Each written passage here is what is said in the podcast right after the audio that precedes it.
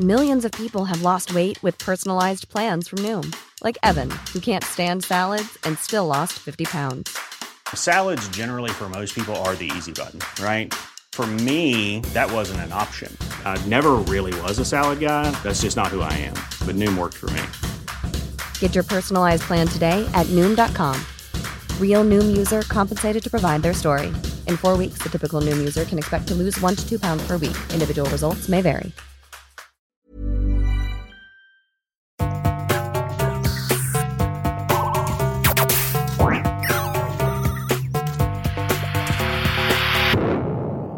Heter Sondre Risholm Livre.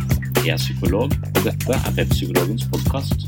Hverdagspsykologi for eh, fagfolk og folk flest.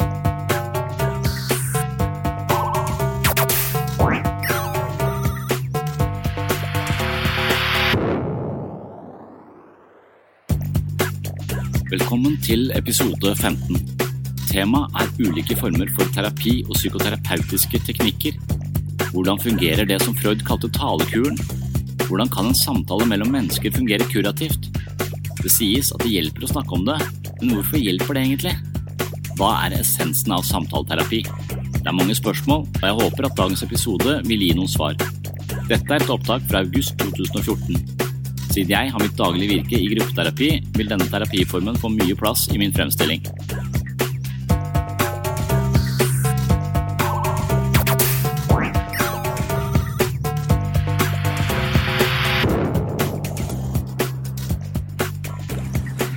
Så eh, generelt sett, hva er terapi? Eh, kognitiv terapi er det noe som heter. Eh, det er også eh, Kognitiv terapi handler om at vi eh, eh, prøver å identifisere tankene våre.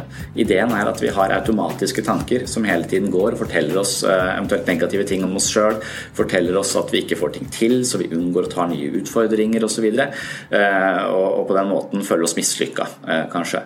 Og kognitiv terapi er da en, gjerne en sånn individual individualterapi hvor man, hvor man sitter og kikker innover på tankene. Istedenfor å være tankene, så ser man tankene. Man undersøker måten man tenker på, mønstrene i tankene, eh, hvordan dette henger sammen, og hvordan dette fører meg inn i blindveier i livet mitt.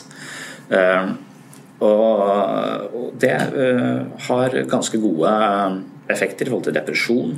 Depresjon er ofte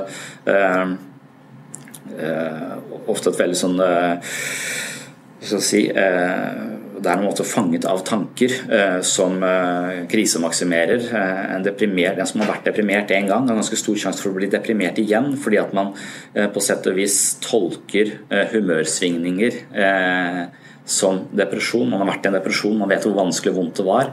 Kommer seg litt opp, og så har man en litt dårlig dag, og så, og så begynner tankene å spille 'Å nei, nå er jeg nede igjen. Nå er det forferdelig.' Og og så vil da tankene på rett og, slett, rett og slett bare eh, holde stemningsleiet nede, og frykten for å bli deprimert igjen på en måte generere en ny depresjon.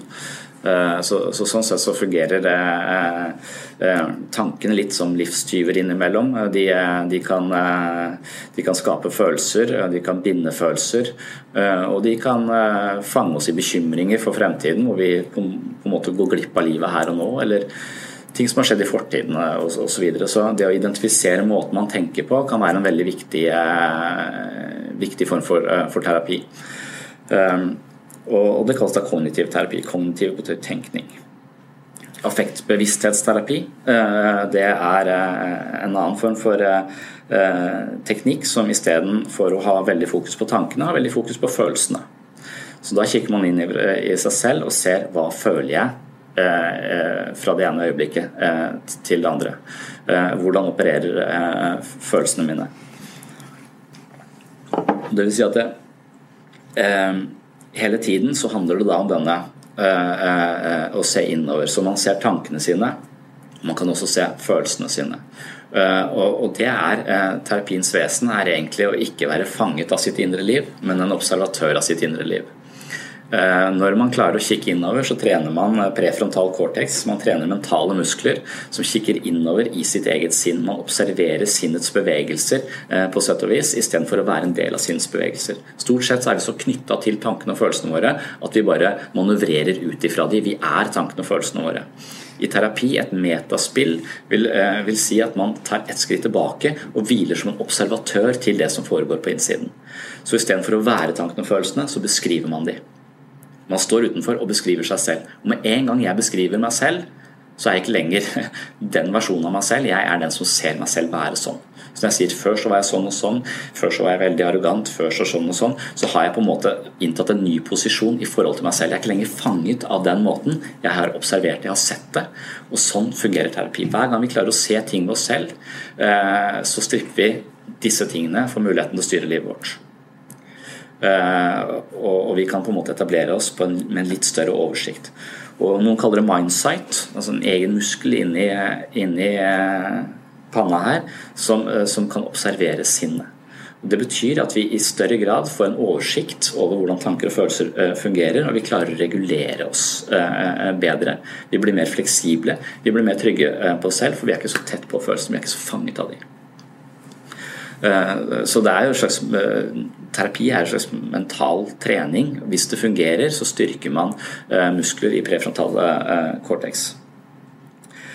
Eh, dynamisk psykoterapi, eh, igjen altså noe av det, eh, noe av det samme. Det, da er det ikke følelsene som er i fokus eller tankene. Begge, begge deler er sannsynligvis i fokus i dynamisk psykoterapi også. Men dynamisk psykoterapi er veldig opptatt av hvordan fortiden har formet deg som person, og se på hvordan har fortiden eh, på en måte vært medbestemmende til den du er, eh, er i dag? Dine reaksjonsmønstre, måten du eh, reagerer på når du blir avvist, hvordan henger det sammen med sentrale opplevelser fra, fra fortiden din? Dynamisk psykoterapi, dynamisk for den, ser litt på liksom dynamikken i hvordan du har, har, blitt til, for å kaste lys på de reaksjonene du har i dag, og de følelsene du har, de symptomene du har, har i dag. Så eh, det, det eh, det er mange varianter, eh, varianter, av dette, men man kan si at det, en måte å drive psykoterapi, dynamisk psykoterapi vil si at problemet ditt er ofte at du har hull i historien din, eller at det er, eh, det er ting i din fortid eh, som eh, du har glemt eller fortrengt eller undertrykt på en eller annen måte, som er med på å styre livet ditt i dag. Hvis du kan se hvordan disse følelsene som plutselig rammer deg, du har sosial angst kanskje, du er usikker og utrygg sammen med, med, med andre mennesker, selv om det egentlig ikke er noe fare på ferde, så har du likevel en, en utrygghet der, så, så, så kan denne følelsen som da bare er vond og ubehagelig, som du ikke forstår egentlig hvorfor. Det er ikke noen grunn til å være redd i dette, i dette møtet. Det kan på en måte være fastfrosne følelser fra tidligere eh, eh, situasjoner hvor du har vært på skolen og blitt mobba eller et eller annet, eh, som da gjentar seg i livet ditt her nå, men det ligger utenfor bevisstheten din, så du kjenner bare følelsen uten at du forstår hvorfor. Og Det er på en måte angst. Det er eh, når vi føler noe som vi ikke vet hvorfor vi skal føle i akkurat den situasjonen. Eh, når du er redd og møter en bjørn, så er det helt åpenbart at her er det eh, greit å være redd, for her er det en bjørn, og det er drittfarlig. Men når det er bare en gruppe mennesker som uten våpen, Eh, og du likevel er redd, så er det ikke noe så åpenbart hvorfor, eh, hvorfor man er redd. Så, så da er det ofte følelser uten ansikt, og dynamisk psykoterapi vil finne ut av hva er disse følelsene, og de mener at det da ligger begravd et eller annet sted i, i, i fortiden din. Og man skal skape en, da, en mer sammenhengende forståelse av hva jeg har opplevd, hvordan det påvirker reaksjonene mine i dag. Når man kan se det, så kan man igjen strippe det for muligheten til å styre livet vårt, og i hvert fall dempe eh, eh, eh symptomene.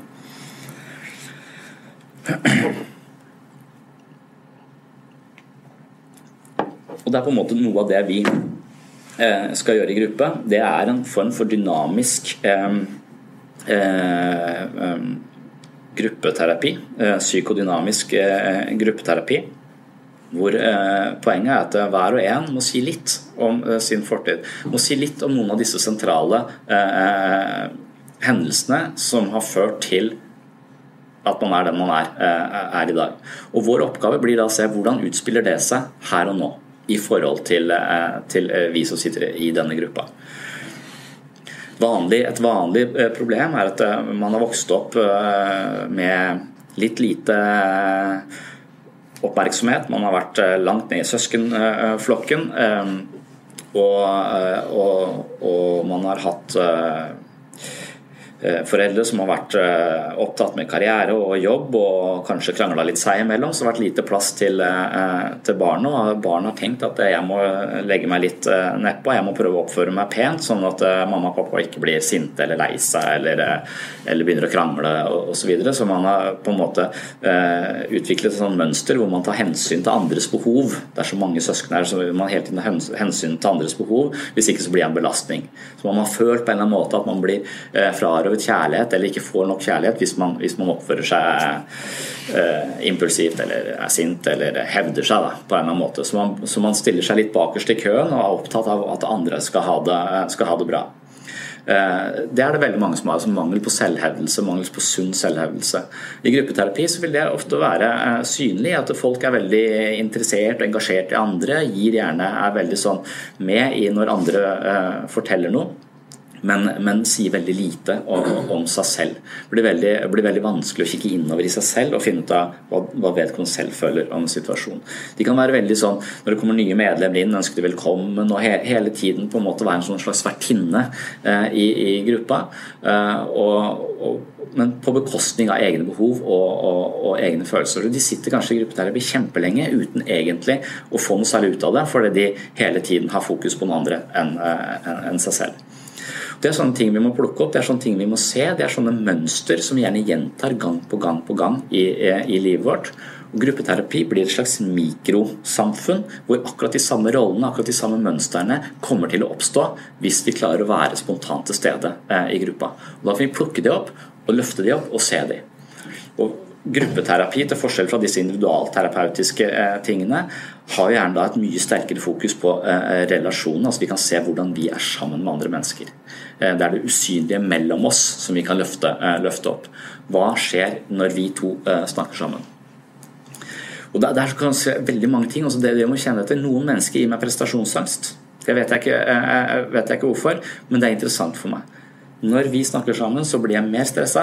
Eh, jeg føler at jeg må prestere bedre enn eh, eh, når jeg snakker med deg, f.eks., eller deg, en annen, en annen, person. Så det er et eller annet med, med din måte å være på som, som, stresser meg.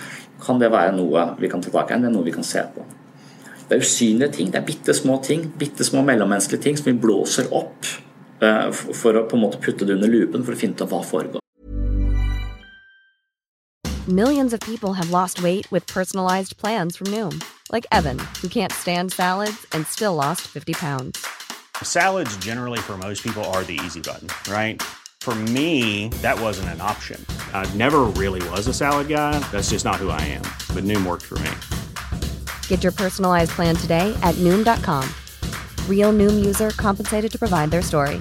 In four weeks, the typical Noom user can expect to lose one to two pounds per week. Individual results may vary. Når det gjelder prestasjonsangst, når det gjelder sånne krav, så er det ofte fra øh, hvis personen da har veldig strenge krav til seg selv. Veldig pliktoppfyllende, veldig, øh, lista ligger veldig høyt og hele tiden øh, på en måte pisker seg sjøl for å være best og klare, klare, mest, så kan det også smitte ut på andre. At de også får en følelse at her må vi være litt flinke. Da kan en person må, finne ut av hvordan kan jeg dempe kravene, hvordan kan jeg roe meg litt ned, og hvordan smitte min på en måte flinkhet over, eh, over, på andre. Små ting, veldig vanskelige eh, ting som vi, som vi skal prøve å få tak i Vi Skal være detektiver i det mellommenneskelige og detektiver i oss selv og, og våre egne opplevelser av det som, det som foregår. Temagrupper. Vi har temagrupper også. Altså det, det som, den gruppeterapien, den dynamiske gruppeterapien som vi skal nå i gang med, den, den skal ikke ha tema. Eh, hvis vi har et tema, så binder vi, eh, binder vi det til eh, Si, vi legger veldig sterke føringer eh, på hva vi skal snakke om, f.eks. Hvis vi har et, har et, tema. og Da kan vi gjemme oss bak det, det temaet. Da kan det bli et sånt diskusjonsforum eh, som kan være interessant nok, men, men eh, noe annet enn en psykoterapi. Men da i tillegg til den psykoterapien, så, så har vi også temagrupper som jeg, jeg, kaller biblioterapi. Hvor vi leser en artikkel og, og diskuterer den i, i plenum. Det kan man også være med på her, hvis man ønsker det. Eh, og Ideen der er at det går jo an eh, å også jobbe litt intellektuelt med psykisk helse. At man kan forstå mer av hvordan psyken funker. Eh, forstå hva er depresjon, hva er angst, hvordan fungerer det, og diskutere det med andre i en gruppe. Det er en intellektuell innfallsvinkel til, til psykisk helse. Man, det, det kan være ganske fruktbart, men man kan også google seg til de tingene. Gode råd og mye informasjon kan man google seg til. Eh, tilbakemelding på hvordan man oppleves av andre mennesker, kan man ikke google seg til. Det er det som er gruppe, eh, gruppeterapi. Og når vi får tilbakemelding på det, så kan vi bli mer bevisst oss selv. Vi kan se oss selv utenfra. Og det er hovedoverskriften i gruppeterapi. Det er evnen til å se seg selv utenfra og andre mennesker innenfra. Hvordan opplever du meg? Hvordan faller jeg ned hos deg? Og når du gir meg tilbakemelding på det, så får jeg et større bilde av hvem jeg er, og hvordan jeg påvirker mine relasjoner uh, til andre. Neste tema er eh, målsettingsgruppe. Det er en arena hvor vi forsøker å omsette innsikt til eh, praksis. Det man lærer om seg selv i terapi, må man på en eller annen måte klare å implementere i hverdagen. Hvordan? Eh, poenget med målsettingsgruppa er at man skal eh, skrive ned noen mål for seg selv. Hvorfor er du her? Hva vil du oppnå? Eh, eh, og hva er kjernen i ditt problem? Hvordan skal du bruke gruppeterapien? Og ikke minst, hvordan skal du bruke det du lærer om deg selv i gruppeterapi til å forandre livet ditt der ute i den retningen du ønsker? Mye av kritikken mot, eh, mot Freud for eksempel, eller andre former for psykoterapi er at man alltid tenkt at innsikten er kurativ. Når man forstår seg selv og avslører seg selv, så vil man endre seg automatisk. For noen er det sånn, men, men for andre så kan man egentlig forstå seg selv eh, i hjel. Og man kan analysere eh, sitt indre liv eh, i årevis, eh, men likevel ikke klare å skape noen forandring. Eh, sånn sett. Så en målsettingsgruppe har litt det fokuset at vi er nødt til å gå aktivt inn for å prøve å skape forandring i livet vårt der ute. Hvis vi bare sitter her og prater om hvordan vi har det, så er det ikke sikkert det skjer noe som helst. Eh, og Det er eh, sånn viktig. Så Målsettingsgruppa bør være et viktig bindeledd mellom terapi og livet eh, der ute. Men også et viktig sted hvor vi evaluerer terapien. Hva får jeg ut av dette? Får jeg noe ut av det? Hvordan skal jeg bruke terapien? Hva vil jeg at dere andre skal se etter hos meg? Hva er jeg interessert i å få tilbakemelding på? Prøv å sette noen, noen, noen ord på det. Og i målsettingsgruppa så, så, bruker vi da eh, en del sånne sånn som vi kaller case-formuleringer. Uh, og, og, en case-formulering ønsker at det skal lages på bakgrunn av de skjemaene dere har fylt ut, hvor du får noe tilbakemelding på disse levereglene. Leveregler er da Negative leveregler er det kalles mentale skript, eller mønster, på sett og vis, i, i, måten vi tenker, føler og handler på. Ideen i disse levereglene er at det har skjedd noe med oss tidligere i livet som har formet oss og styrer måten vi tenker, føler og handler på, uten at vi er oppmerksomme på det. Det bare skjer gang på gang på gang på gang. Hele tiden så møter jeg mennesker som eh, som syns de er bedre enn meg, eller eh, som, eh, som avviser meg osv. Istedenfor å tenke at det er noe galt med de, så må jeg se hva er det med meg som tiltrekkes denne typen, typen mennesker. Leveregler er en slags teori som sier at det, det er i møte med andre mennesker eh, at vi får bekreftet oss selv. Og vi har en kjerneskript, vi har en idé om hvem vi er, som er ganske fastlåst gjerne, eh, og som vi identifiserer oss med, eh, og vi søker bekreftelse på at det er riktig. Så Hvis jeg tenker at jeg er litt dårligere enn andre, hvis jeg tenker at jeg er litt eh, dum, så søker jeg kanskje mennesker som bekrefter akkurat det er typisk Sondre, han er alltid sånn. Eller eh, det kan gjerne være en familie. Jeg har vokst opp i en familie som f.eks. hvor jeg har hatt rollen som klovnen, den som ikke får ting til, den som folk kan liksom le litt av osv. Så, så har det vært litt gøy, men gradvis så har det blitt min identitet. Og tenkt at jeg er litt ikke så eh, god som andre. Eh, så, så jeg på en måte Det har blitt min, min identitet. Og, Hvis jeg da møter mennesker som tenker at jeg ikke er litt dum og, litt teit, så blir jeg usikker. Hvem er jeg da? Eh, da må jeg ta mer ansvar. Eh, det vet jeg ikke om jeg tør. Og i møte med denne personen så vil jeg bli, bli usikker. Fordi den ikke speiler meg på den måten jeg er vant til. Og, og så, sånn sett så, så er det sånn, Speilet viser jo meg hvordan jeg ser ut på utsida, og, og vi, vi, forventer en viss uh, ja, Vi forventer jo at vi, når vi ser oss i speilet på morgenen og på, og på kvelden, at vi ser noe av det samme trynet. Eh, hvis jeg i løpet av en dag har fått helskjegg, så vil det skremme meg ganske betydelig, for jeg har så lite skjeggvekst at det vil ikke skje. Da, da er det et eller, annet, eh, et eller annet, galt. Så, eh, så, det vil skremme meg hvis speilet plutselig viste meg stort, stort skjegg.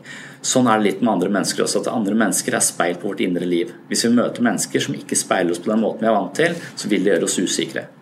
Derfor så ubevisst tiltrekkes vi relasjoner som hele tiden bekrefter oss på sånn vi tenker selv.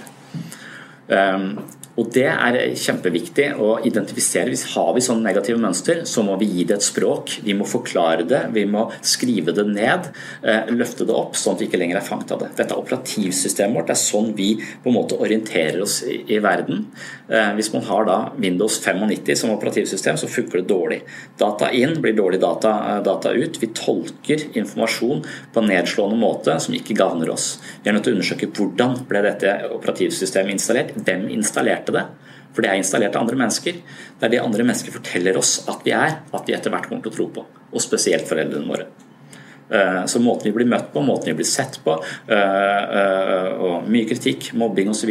vil ofte skape en programvare som er dårlig. Den vil ikke Den vil ødelegge selvtillit, ødelegge selvfølelse og vil, vil, eh, kanskje hele tiden eh, trekkes til situasjoner hvor vi ikke egentlig når potensialet vårt. Fordi vi hele tiden lever i takt med dette eh, operativsystemet. Og, og Dette er mønsteret, dette utspiller seg mellom oss hele tiden, men vi skal være ganske gode for å legge merke til det. Så Vi bruker disse utredningsskjemaene, så hver og en av dere får en tilbakemelding på, hva, eh, eh på, på en slags sånn generell tilbakemelding. Hva kan hva kan det du har svart her antyde i forhold til disse operativsystemene, disse psykiske operativsystemene? Så må vi selv lage en formulering ut fra det, og selv beskrive hva vi tenker er eh, problemet her. Når vi ser det, så stripper vi det for mulighet til å styre livet vårt, samtidig som vi resten av gruppa kan kikke etter det hos oss. Vi kan se på måten vi er på, hvordan utspiller dette mønsteret seg her og nå i situasjonen mellom oss. Så det, eh, Målsettingsgruppa vil da være et sted hvor vi prøver å identifisere disse mønstrene. Eh, vi prøver å se eh, hvordan, vi, hvordan, disse mønstrene påvirker oss i livet der ute. Og vi prøver å få tilbakemelding på det, eller finne ut av hvordan kan, vi, kan jeg prøve å endre dette i, i gruppa, f.eks. Jeg vil si at Det jeg gjør mest som terapeut, er egentlig å se folk som litt bedre enn det de selv tenker at de er. Eh, det er et veldig vanlig, vanlig ting. Så ofte så, eh, så uh, tviholder jeg på en versjon av den andre som er litt bedre enn den selv tenker. Da blir han forbanna. Da føler han at du forstår meg ikke, du skjønner ikke hvor vanskelig jeg har det. det er, du, du, er ikke meg, du, du, er bare Du bagatelliserer problemene mine. og, og, så blir det ofte en konflikt, ganske vanskelig ting, som vi må, må undersøke og, og, og løse. Men men uh, ofte når folk er i ferd med å forandre seg, når, når folk vokser og uh, står på kanten av nye ting, kanskje de skal ut i jobb, kanskje de skal på en måte har kommet til et sted hvor de virkelig er på, på kanten av å virkelig forandre de mønstrene de har levd etter så lenge, så, så vil de være ganske skremte. Det, det, forandring er fryder ikke. Forandring er vondt og, og vanskelig. For det er når vi skal forlate et mønster til fordel for et nyttighet, så står vi litt på bar bakke. Hvem er jeg nå? Eh, så hvis vi da bare møter at folk tror på oss, folk eh, ser opp til oss osv., og, så videre, og ikke ser meg som denne dumme klovnen som ikke får til noe som helst, så skaper det ganske mye angst. Og da vil man ubevisst prøve å på en måte plassere seg tilbake i gamle mønster. Av og til så skjer det, man går tilbake, men av og til hvis man klarer å komme seg gjennom den krisen, så kan man lande på et litt høyere eh, nivå og integrere seg som en person man faktisk kan, som har eh, tro på seg selv, som eh, våger å ta mer ansvar i eget liv, og ikke lenger er denne, identifiserer seg med denne klovnen som ikke får til noen ting. Den andre uka, når vi ikke har målsettingsgruppe på morgen, så, vi, så er det kunst- og uttrykksterapi. Og det er et uh, fora hvor man på en måte går en slags omvei uh, uh, i forhold til, til følelser. ideen i mye psykoterapi er at alle de følelsene vi ikke har språk på, de vil bli til symptomer. Så mye av terapi handler om å tåle, forstå og uttrykke følelsene sine i språket. Når jeg ikke uttrykker følelsene mine i språket, men undertrykker de fordi de ligger over terskelverdien på en måte for det jeg tåler eller det jeg takler, så vil det psykiske forsvaret mitt holde disse følelsene i sjakk. Det krever mye mental energi, det skaper psykiske spenninger, og til slutt så får jeg vondt i ryggen. Eller jeg blir for magesår. Eller jeg får angst. Eller jeg blir deprimert. Så på en eller annen måte så vil psykisk smerte komme til uttrykk i et eller annet symptom hvis vi ikke klarer å uttrykke eh, følelsene våre. Det er en idé en i, i, sånn generell, ganske akseptert idé i, i, i psykoterapi. Eh, men av og til så er det sånn at disse følelsene som da ligger og eh, på en måte skremmer oss på sett og vis, eller Eh, de følelsene vi ikke da har, eh, de følelsene vi unngår. Eh, vi flykter ifra, altså lever, lever på flukt fra oss selv på sett og vis. De ligger ofte så dypt forankra i oss at det er ikke så lett å få tak i dem med innsikt og fornuft. De ligger dypere i hjernen, så vi klarer ikke å måte, reflektere oss fram til dem. Og Da kan det være at kunst- og uttrykksterapi er en slags omvei til å få kontakt med de, med de følelsene. Og Det er vel litt sånn sånn at jeg tror kunstnere og, og musikere osv. har liksom da klart å på en måte uttrykke, eh, finne et uttrykk for kraftige eh, følelser gjennom denne, det de produserer eller det de, det de lager. Og Freud mente at eh, Terapi handler om å gjøre det ubevisst og bevisst. altså De følelsene vi ikke er bevisste, de skal vi gjøre til noe bevisst. Vi skal sette ord på det, se det. Og han sa at kongeveien til det ubevisste er via drømmen. Så han mener at drømmen forteller oss veldig viktige ting om oss selv. Eh, og uttrykksterapi har litt av det samme. altså at Istedenfor å eh, bare med fornuften prøve å forstå oss selv, så vil vi prøve å uttrykke et eller annet på papiret. Det er ikke sikkert vi, vi bare sitter og skribler, egentlig. Bruker noen farger, setter opp på et lerret, så sitter gruppa, gruppa, rundt. Vi tegner i 20 minutter, vi, så går vi gjennom hver og en, setter arket sitt opp på tavla kan man si at jeg føler ingenting for dette. Jeg bare sitter og skriver det. Jeg skjønner ikke hvorfor jeg er i kunst- og uttrykksterapi. Jeg syns det er noen latterlige greier. Eh, men så kan det være at man likevel, sånn som i drømmen, har uttrykt et eller annet. Kanskje gruppa sier at jeg blir veldig trist eh, når jeg ser det bildet. Eller jeg blir veldig redd, jeg blir engstelig når jeg ser det, eh, ser det bildet. Da kan det være at vi andre, ved å se noe i disse bildene, kan på en måte få en følelse som også er relevant for den personen som da faktisk har tegna dette bildet. Så, eh, så, så, det er en annen, det er en sånn omvei til uh, følelseslivet, men, men, en slags omvei til å løfte det opp fra symptom til innsikt og språk.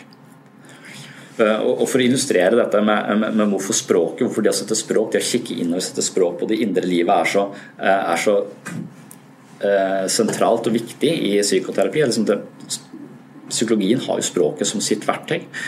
Eh, vi har jo noen medisiner og, sånn innenfor psykiatri, men det, som psykolog så er det ikke så mye med det uh, å gjøre. Jeg har stort sett, uh, stort sett språk.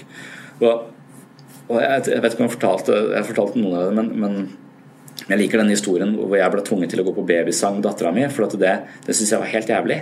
Uh, og jeg, Det første barnet, og jeg skulle være i pappaperm, og jeg måtte følge opp babysang i Søm kirke. Jeg syns det var en ubehagelig affære. Jeg grua meg til det. Eh, og jeg tar med meg dattera mi, kommer inn i denne kirken på Søm. Da sitter det 16 damer og nynner i ring, eh, og jeg får et ekstremt ubehag. Eh, jeg vet jo med fornuften min at disse damene er ikke farlige. De er godt nok mange, og det er ingen menn her. Det syns jeg tydeligvis ikke så pliktoppfyllende som meg, da. Eller så dumme som meg, kanskje. Så de holder seg unna. Eh, men, men, i hvert fall så jeg kaldsvetter. Eh, hjertet mitt eh, slår fort, og jeg får vel nærmest et slags panikkanfall. jeg tror. Det det, er bare, det er, bare, kropp, det er bare ubehag. Jeg har vondt i magen, svimler fra øynene, og jeg er her og nynner med masse damer. Jeg får en bæsjeblei oppi det hele. Det er helt uh, for jævlig. Men, men, jeg kan ikke skjønne hvorfor jeg reagerer så kraftig. Jeg kan ikke skjønne hvorfor jeg virker så redd i en situasjon som uh, åpenbart ikke er farlig. Uh, og, og, når jeg kommer hjem da, så, så leser jeg eh, Knausgård som skriver ti sider om hvorfor, hvordan han hadde det på, på, på babysang. Og, og, og, Han beskriver at menn står i fare for å miste sin maskulinitet og bli impotente når de er sammen med så mange damer som, som nynner. Og Det er ikke sikkert det er riktig, men det gir meg et språk. Det gir meg en forståelse for min egen opplevelse i denne på, på, på babysang, som var bare kropp, ubehag. Eh, jeg kunne løfte opp nå til innsikt. Jeg, var i, jeg sto i fare for å bli impotent og miste min maskulinitet i dette forumet med så mange damer. Og det, det, det, gir meg en forståelse for min egen reaksjon. Og det kan dempe angsten ditt neste gang jeg skal dit. Jeg er ikke sikkert den avtar helt. Jeg gikk dit en gang til, så slutta jeg. Men, eh, men, men det, det, det, hjalp noe neste gang at jeg kunne, kunne se det. Og sånn så tenker jeg at Skjønnlitteratur, det å lese ting, det å forstå ting, det kan være med på å åpne dører i oss selv. Det å få mer språk på hva som foregår inni andre mennesker, kan være en slags innfallsvinkel til å forstå mer av hva som foregår inni oss selv. Og Sånn er også gruppeterapi ekstremt verdifullt, for her har vi åtte, ni, ti forskjellige opplevelser av noe. Forskjellige opplevelser av uh, situasjoner, uh, livsproblemer, uh, som folk finner et uttrykk for, og kanskje dette uttrykket passer veldig godt, godt for meg. Altså, det ble sagt Metaforer er en sånn viktig del av, av terapi ofte. Å forstå ting sette ord på ting, finne nyansene i, i hva, hva, som kjennetegner dette, dette, mennesket. Og det her For noen uker siden så var det en som sa at du er som et, uh, et sosialt viskler. Det synes jeg var en ekstremt god og presis beskrivelse av en person som var veldig hyggelig. Eh, veldig, eh, litt sånn konfliktsky sannsynlig. Skaper god stemning rundt seg. Vil at alle skal være venner. Eh, men i gruppeterapi så kan det liksom på en måte legge litt lokk på det som vi trenger å kikke på, det som er litt uavklart, de litt vanskelige følelsene. Så det sosiale viskelær er hele tiden ute og ordner opp osv. Frykter konflikt. på. En god, en god, metafor, et godt språk på en måte som bare pinpointer akkurat det som foregår foran oss, og åpner det litt på, på sett og vis. Så vi jobber med språk. Vi jobber med, med, eh, med, å få mer språk på det som foregår inni oss og mellom oss. Og jeg tror at de, Hvis man får noe ut av gruppeterapi, så er det etter hvert at man, man får et mye rikere og større språk som man kan bruke til å forstå seg selv. Eh, Istedenfor at det som foregår på innsiden, blir noe vi er fanget av og blir til eh, symptomer. Det er mye vi kan gjøre for å håndtere følelsene våre rent fysisk. Vi kan drikke alkohol, eller vi kan ruse oss, eller vi kan kutte oss i armene, vi kan jobbe hele tida. Eller eh, vi kan rett og slett bare kutte ut følelser og gå rundt med ryggplager isteden. Eh, eh, men, men, men som regel så har alle de unngåelsesstrategiene våre bivirkninger som, som er uheldige. Så psykisk helse, mental styrke, handler om å tåle, forstå og bruke følelsene sine. Så det handler om å føle mer, det handler om å orke å føle mer, men ikke fanges av følelsene. Det handler om å ha større rom i oss selv, om å kunne sitte som en observatør, ikke fjerne seg fra følelsene, men gi plass til følelsene, og vite at det er noe som kommer og går, kommer og går, ikke noe som definerer meg, identifiserer meg som person, ikke være fanget av dem. Så øh, hvis man får noe ut av dette, så vil man bli mer lei seg og mer glad. Eh, men man må ha mye større eh, eller mye bedre redskap til å håndtere begge deler og regulere det sånn at det blir sånn passe, sånn at man ikke går til grunne på det. Eh, det er en ganske langvarig prosess. Det krever ofte litt tid. Det er litt som å trene muskelstyrke, vil jeg si. Man trener den muskelen der sånn, en del av den muskelen. Og hjernen er jo kan jo sammenlignes med en muskel. for Hvis vi ikke prøver å trene på å kikke innover, uh, introspeksjon, uh, så, så, vil hjernen på en måte bare fortsette i sitt løp. Uh, og hvis vi da har en hang til bekymring eller å gå rundt og engster oss for ting hele tiden, eller har nedslående og depressive tanker hele tiden, så vil den delen av hjernen som koder for depresjon, angst osv. få mye mat, bli stadig sterkere disse tankene våre som vi har om oss selv. Vi mater oss selv og genererer følelser som er eh, negative. Og da vil den delen av hjernen bli stadig større. Så det er en nedadgående eh, spiral. Da vil man på årsmøtet i hjernen si hvordan ligger vi an i den fabrikken vår? Jo, drit mye å gjøre nede i depresjonsavdelingen. Veldig mye å gjøre nede, nede i angstavdelingen. Her trenger vi flere folk. Og de folka som da jobber med det som foregår her oppe, det å være interessert i livet, skape mening, forstå seg selv, regulere følelser. Eh, kapteinen, den som har oversikt over det som foregår, sier at ja, vet du hva, jeg har ikke så mye å gjøre på jobb, så jeg kan godt være med og bidra litt ned i eh, depresjonsavdelingen. Så flytter vi flere hjerneceller derfra ned dit, og så blir det bare verre og verre. Eh, så ting som bare går på autopilot, vil ofte ikke bli bedre når det gjelder psykisk helse. Det er ofte vi må gjøre en aktiv innsats for å skape eh, forandring. Akkurat som man blir ikke sterk av å uh, ikke trene. på en måte. Man, man må uh, investere i det, og man må gjøre det over en viss tid og være tålmodig. jeg har gått på, på, og trent i mange mange år den, i den, den hensikt å bli, få større muskler. Jeg har ikke fått noen større muskler. Jeg har veid det samme siden jeg gikk i sjette klasse. Nå har jeg gitt opp akkurat det å få store muskler. Nå trener jeg bare for ikke dø for tidlig. Uh, men ideen er i hvert fall at når vi løfter tunge vekter, så blir jo musklene litt større. Når vi løfter tunge følelser, når vi klarer å være i følelsene våre over lengre tid, så blir vi mentalt sterkere. blir langsomt mentalt sterkere. Blir det for mye følelser, så blir du fanget av det, og så blir ting verre. Vi skal trene denne delen som kan håndtere følelsene, følelsene våre.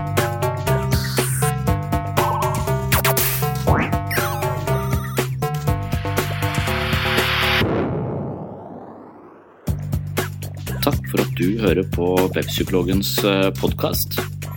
Siden gruppeterapi har vært en av mine hovedinteresser i over ti år, så jeg har laget en egen side som heter gruppeterapi.info. Her finner du mange videoforedrag og mange artikler om det å være i gruppe og det å drive gruppeterapi. Ellers anbefaler jeg som vanlig webpsykologen.no og psykolog.com for de som er interessert i psykologi for fagfolk og folk flest. Håper vi høres igjen i neste episode.